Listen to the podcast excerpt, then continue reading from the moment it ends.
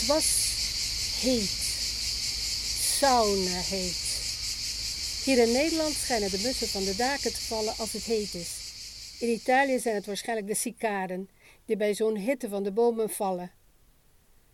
Midden in een hittegolf in Italië, gedurende augustus 2021, reden we in onze camper door de Mezzogiorno. Mezzogiorno betekent letterlijk het midden van de dag en deze term wordt ook gebruikt om het gebied ten zuiden van Rome aan te duiden, omdat het zo heet is, waardoor het lijkt of de zon altijd met de intensiteit van het middaguur schijnt. We wisten dus dat het heet zou zijn. We wisten alleen niet hoe heet het dit jaar zou worden. Ik ben de gek die juist in de heetste maanden naar de Mezzogiorno reist, op zoek naar bijzondere wijnen, gemaakt van inheemse Italiaanse druiven. Mijn man begrijpt mijn reden gelukkig, namelijk ik vind dat augustus de beste maand is om kennis te maken met nieuwe wijnboeren, hun wijnen en hun wijngaarden. Proeven van wijnen, dat kun je in alle seizoenen doen. Maar een goed beeld krijgen van de zorg die aan de wijngaard is gegeven en van de kwaliteit van de druiven, krijg je volgens mij als je de wijngaarden in augustus bezoekt. Als je de plant in de piek van hun jaarlijkse cyclus bekijkt en als je de druiventrossen ziet hangen in de laatste fase van hun rijpingsproces. Een andere belangrijke reden en een meer praktische reden is dat de wijnboeren dan tijd hebben. Snoeien en andere behandelingen en werkzaamheden zijn voorbij en het wachten is op het rijpen van de druiven. Dus dan gaan de wijnboeren mee naar de wijngaard. Ze kijken mee, ze leggen uit, ze proeven mee, ze vertellen je waarmee ze het liefst hun wijnen paren. Ze vertellen hun verhaal. Zo leer ik wijnboer of wijnboerin kennen en voor mij is dat het zweten waard. We hadden ons voorbereid op de hitte. We hadden ventilatoren gekocht die op USB werken, naast de reguliere ventilatoren die op elektriciteit werken. Zo konden we ook een briesje krijgen als we ergens stonden waar we geen elektriciteit hadden. We wisten dat we naar grote pijnbomen moesten uitkijken om in een schaduw te kunnen staan. Een pijnboom wordt dankzij de vorm ook parasolden genoemd. En het is onvoorstelbaar hoe koel het in zijn schaduw kan zijn. Voor het verantwoord transporteren van wijnen had mijn man een compartiment van de camper afgescheiden en geïsoleerd, zodat de gekochte wijnen donker en koel konden liggen. Uiteraard noemden we het al gauw de wijnkelder. Door het regelmatig wisselen van bevroren koelelementen en het bijhouden van de temperatuur probeerden we de temperatuur in de wijnkelder constant laag te houden. Terwijl ik wijnboeren bezocht, bezocht mijn man de plaatselijke cafés, waar hij na praatje, koffie enzovoorts het voor elkaar kreeg dat onze koelelementen mochten overnachten in de diepvries. We hebben weliswaar een koelkastje in de camper, maar met de enorme hitte had het arme ding het al moeilijk genoeg om gewoon koel te zijn, laat staan om de vele koelelementen steenhard te bevriezen. Enfin, goed voorbereid reden we dus naar het hogere deel van de regio van Campania, genaamd Irpinia. Ik had een afspraak met een wijnboerin en we hoopten uiteraard ook op lagere temperaturen in de bergen.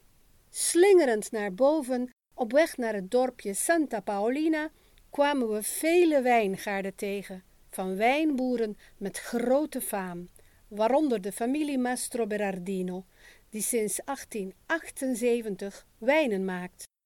Grote of kleine wijnboeren, op alle wijngaarden die we passeren, groeit hetzelfde druivenras, de Greco. Greco is een witte druif, hoewel ik het liefst eigenlijk het een groene druif noem, en in het geval van de Greco kun je zelfs van een gele druif spreken. Nu zijn er diverse druivenrassen in Italië die Greco in de naam hebben. Greco Bianco, Greco Nero of Greco della Torre. Ze behoren allemaal tot de grote familie van de Grecos. Hoewel de enige die gewoon Greco mag heten, is de Greco uit Irpinia, uit de omgeving van de dorpen Tuffo en Santa Paolina.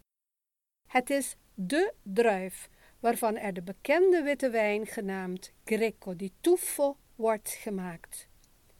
Een tros Greco-druiven is goed herkenbaar. Hoewel de trossen niet groot zijn, hangen er prachtige, volle, gele druiven eraan met kenmerkende kleine bruine vlekjes op de schil.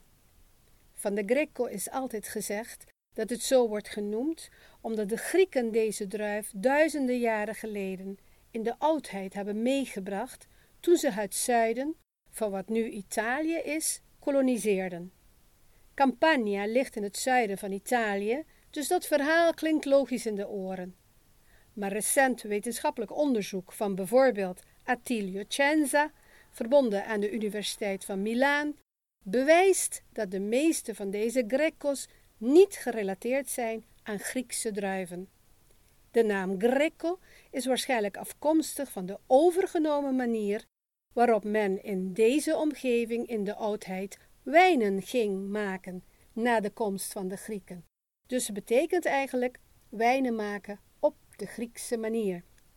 Voor mezelf heb ik een groep bedacht van bijzondere witte wijnen, allen gemaakt van inheemse Italiaanse druiven. En de wijn Greco di Tuffo hoort zeker daarbij. Het is een complexe wijn.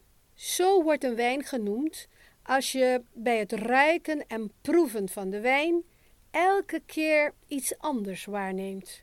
Een soort toverwijn, zoals je vroeger toverballen had, waarbij je voor de prijs van één glas, bij wijze van spreken, elke keer weer iets nieuws snuffelt of proeft. Wat de Greco uit Irpinia ook bijzonder maakt, is het feit dat we daar aan de rand van een vulkanisch gebied zitten. Vesuvius en Campi Flegrei zijn daar niet zo ver vandaan. Vesuvius is de vulkaan die we kennen door de fameuze en trieste uitbarsting in de eerste eeuw na Christus, waarbij de steden Pompeii en Herculaneum compleet zijn vernietigd. En de Campi Flegrei is een groot vulkanisch gebied met vele kraters en zwavelbronnen, zowel op het land als in zee.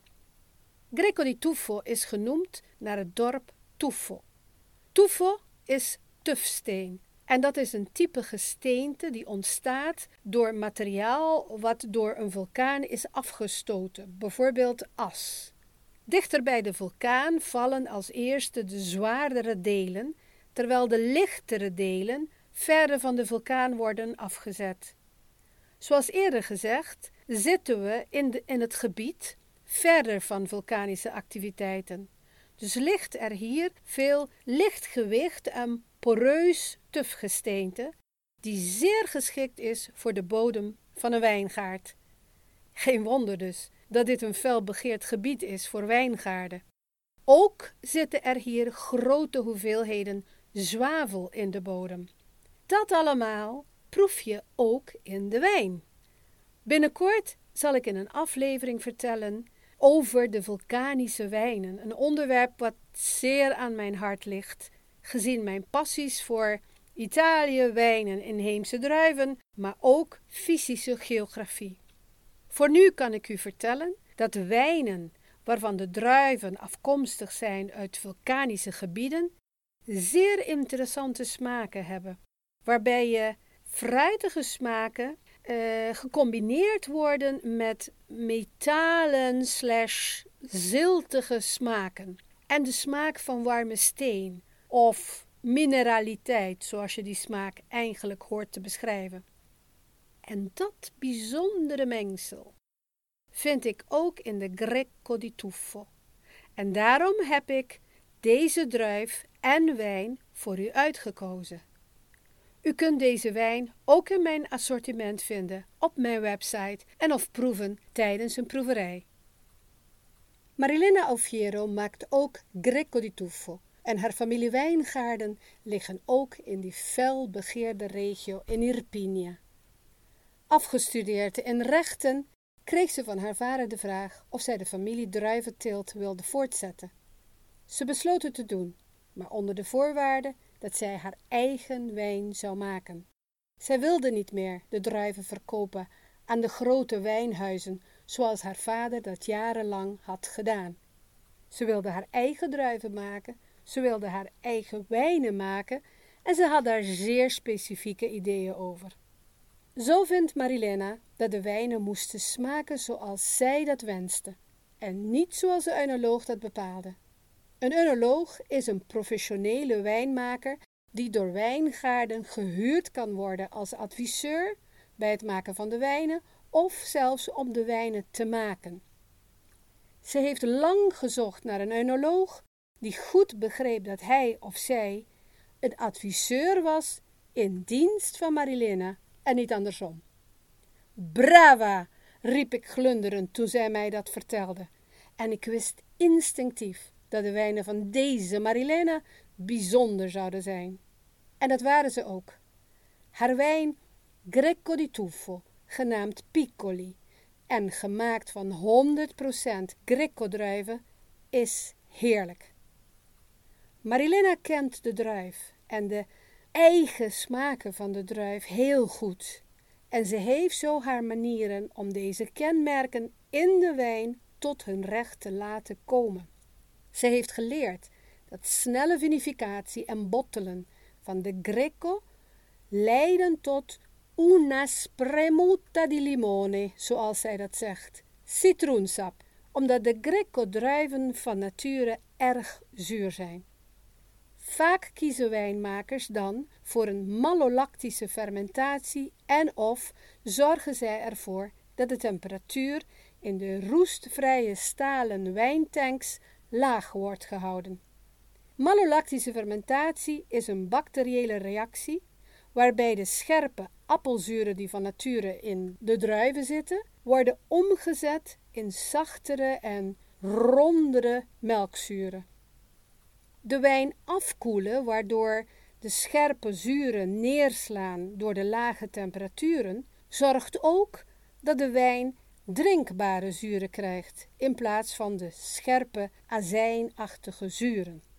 Marilena wilde dat niet, ze doet het anders.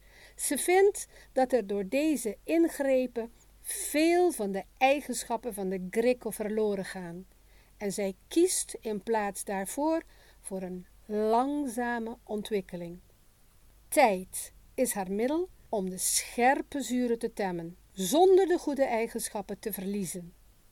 De druiven die bijvoorbeeld in 2018 zijn geoogst, blijven een jaar in roestvrije stalen tanks liggen en worden pas een jaar later gebotteld.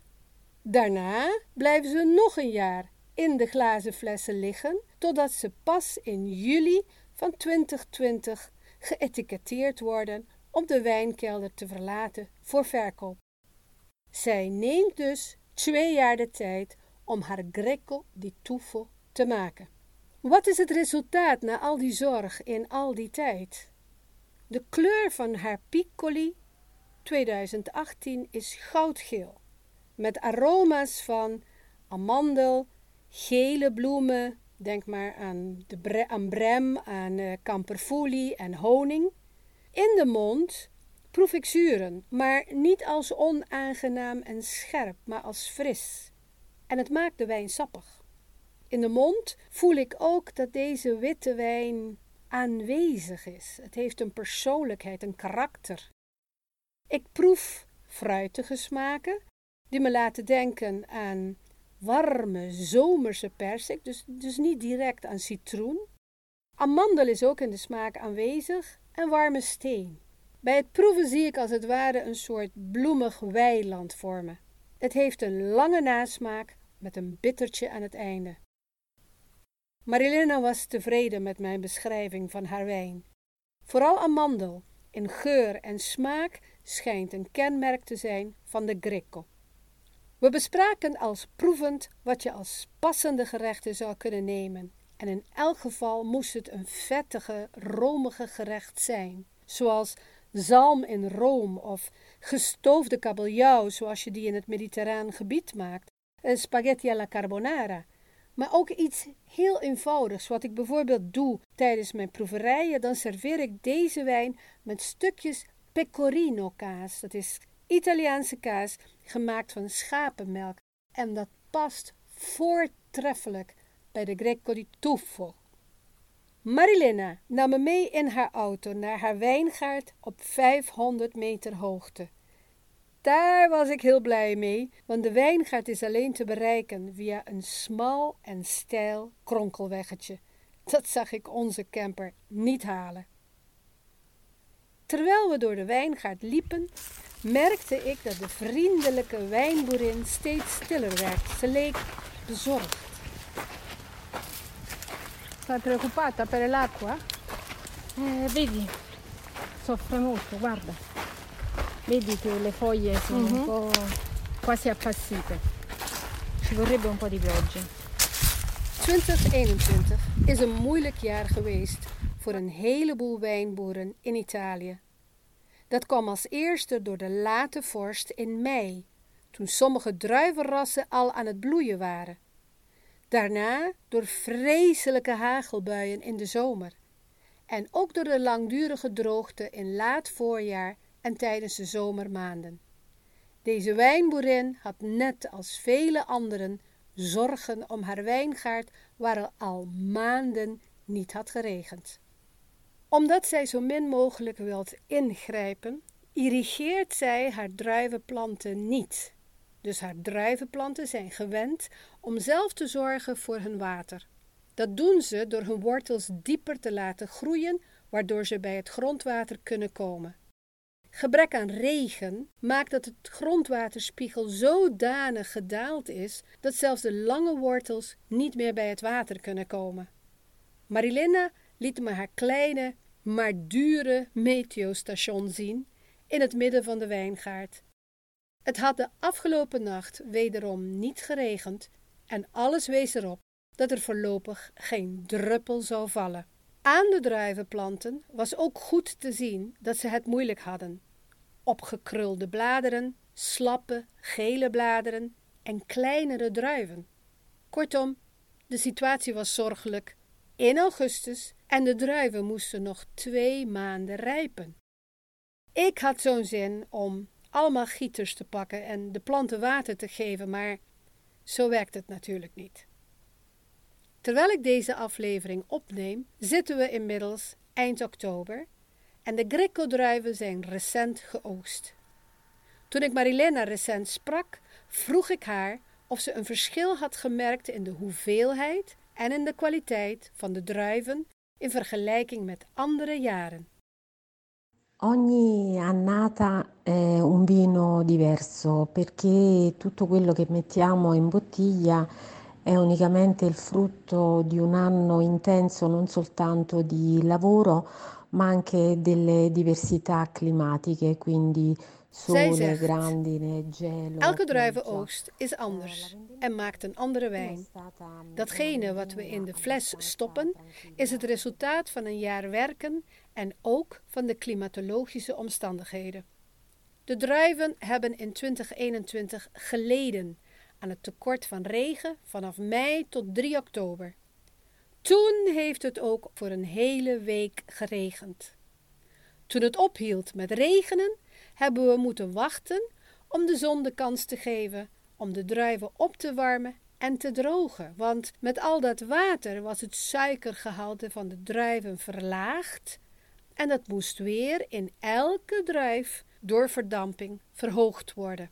We hebben hierdoor dit jaar ook wat later geoogst. We moeten ermee leren omgaan, want sinds 2018 maken we elk jaar een andere situatie mee door de diversiteit aan klimatologische omstandigheden. Terug naar de hete en kurkdroge augustus, toen ik afscheid nam van Marilena.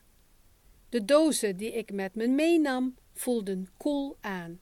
Gauw alles in onze wijnkelder stoppen met verse koelelementen die net van de cafébaas kwamen, zodat de wijnen niet zouden schrikken van het temperatuurverschil.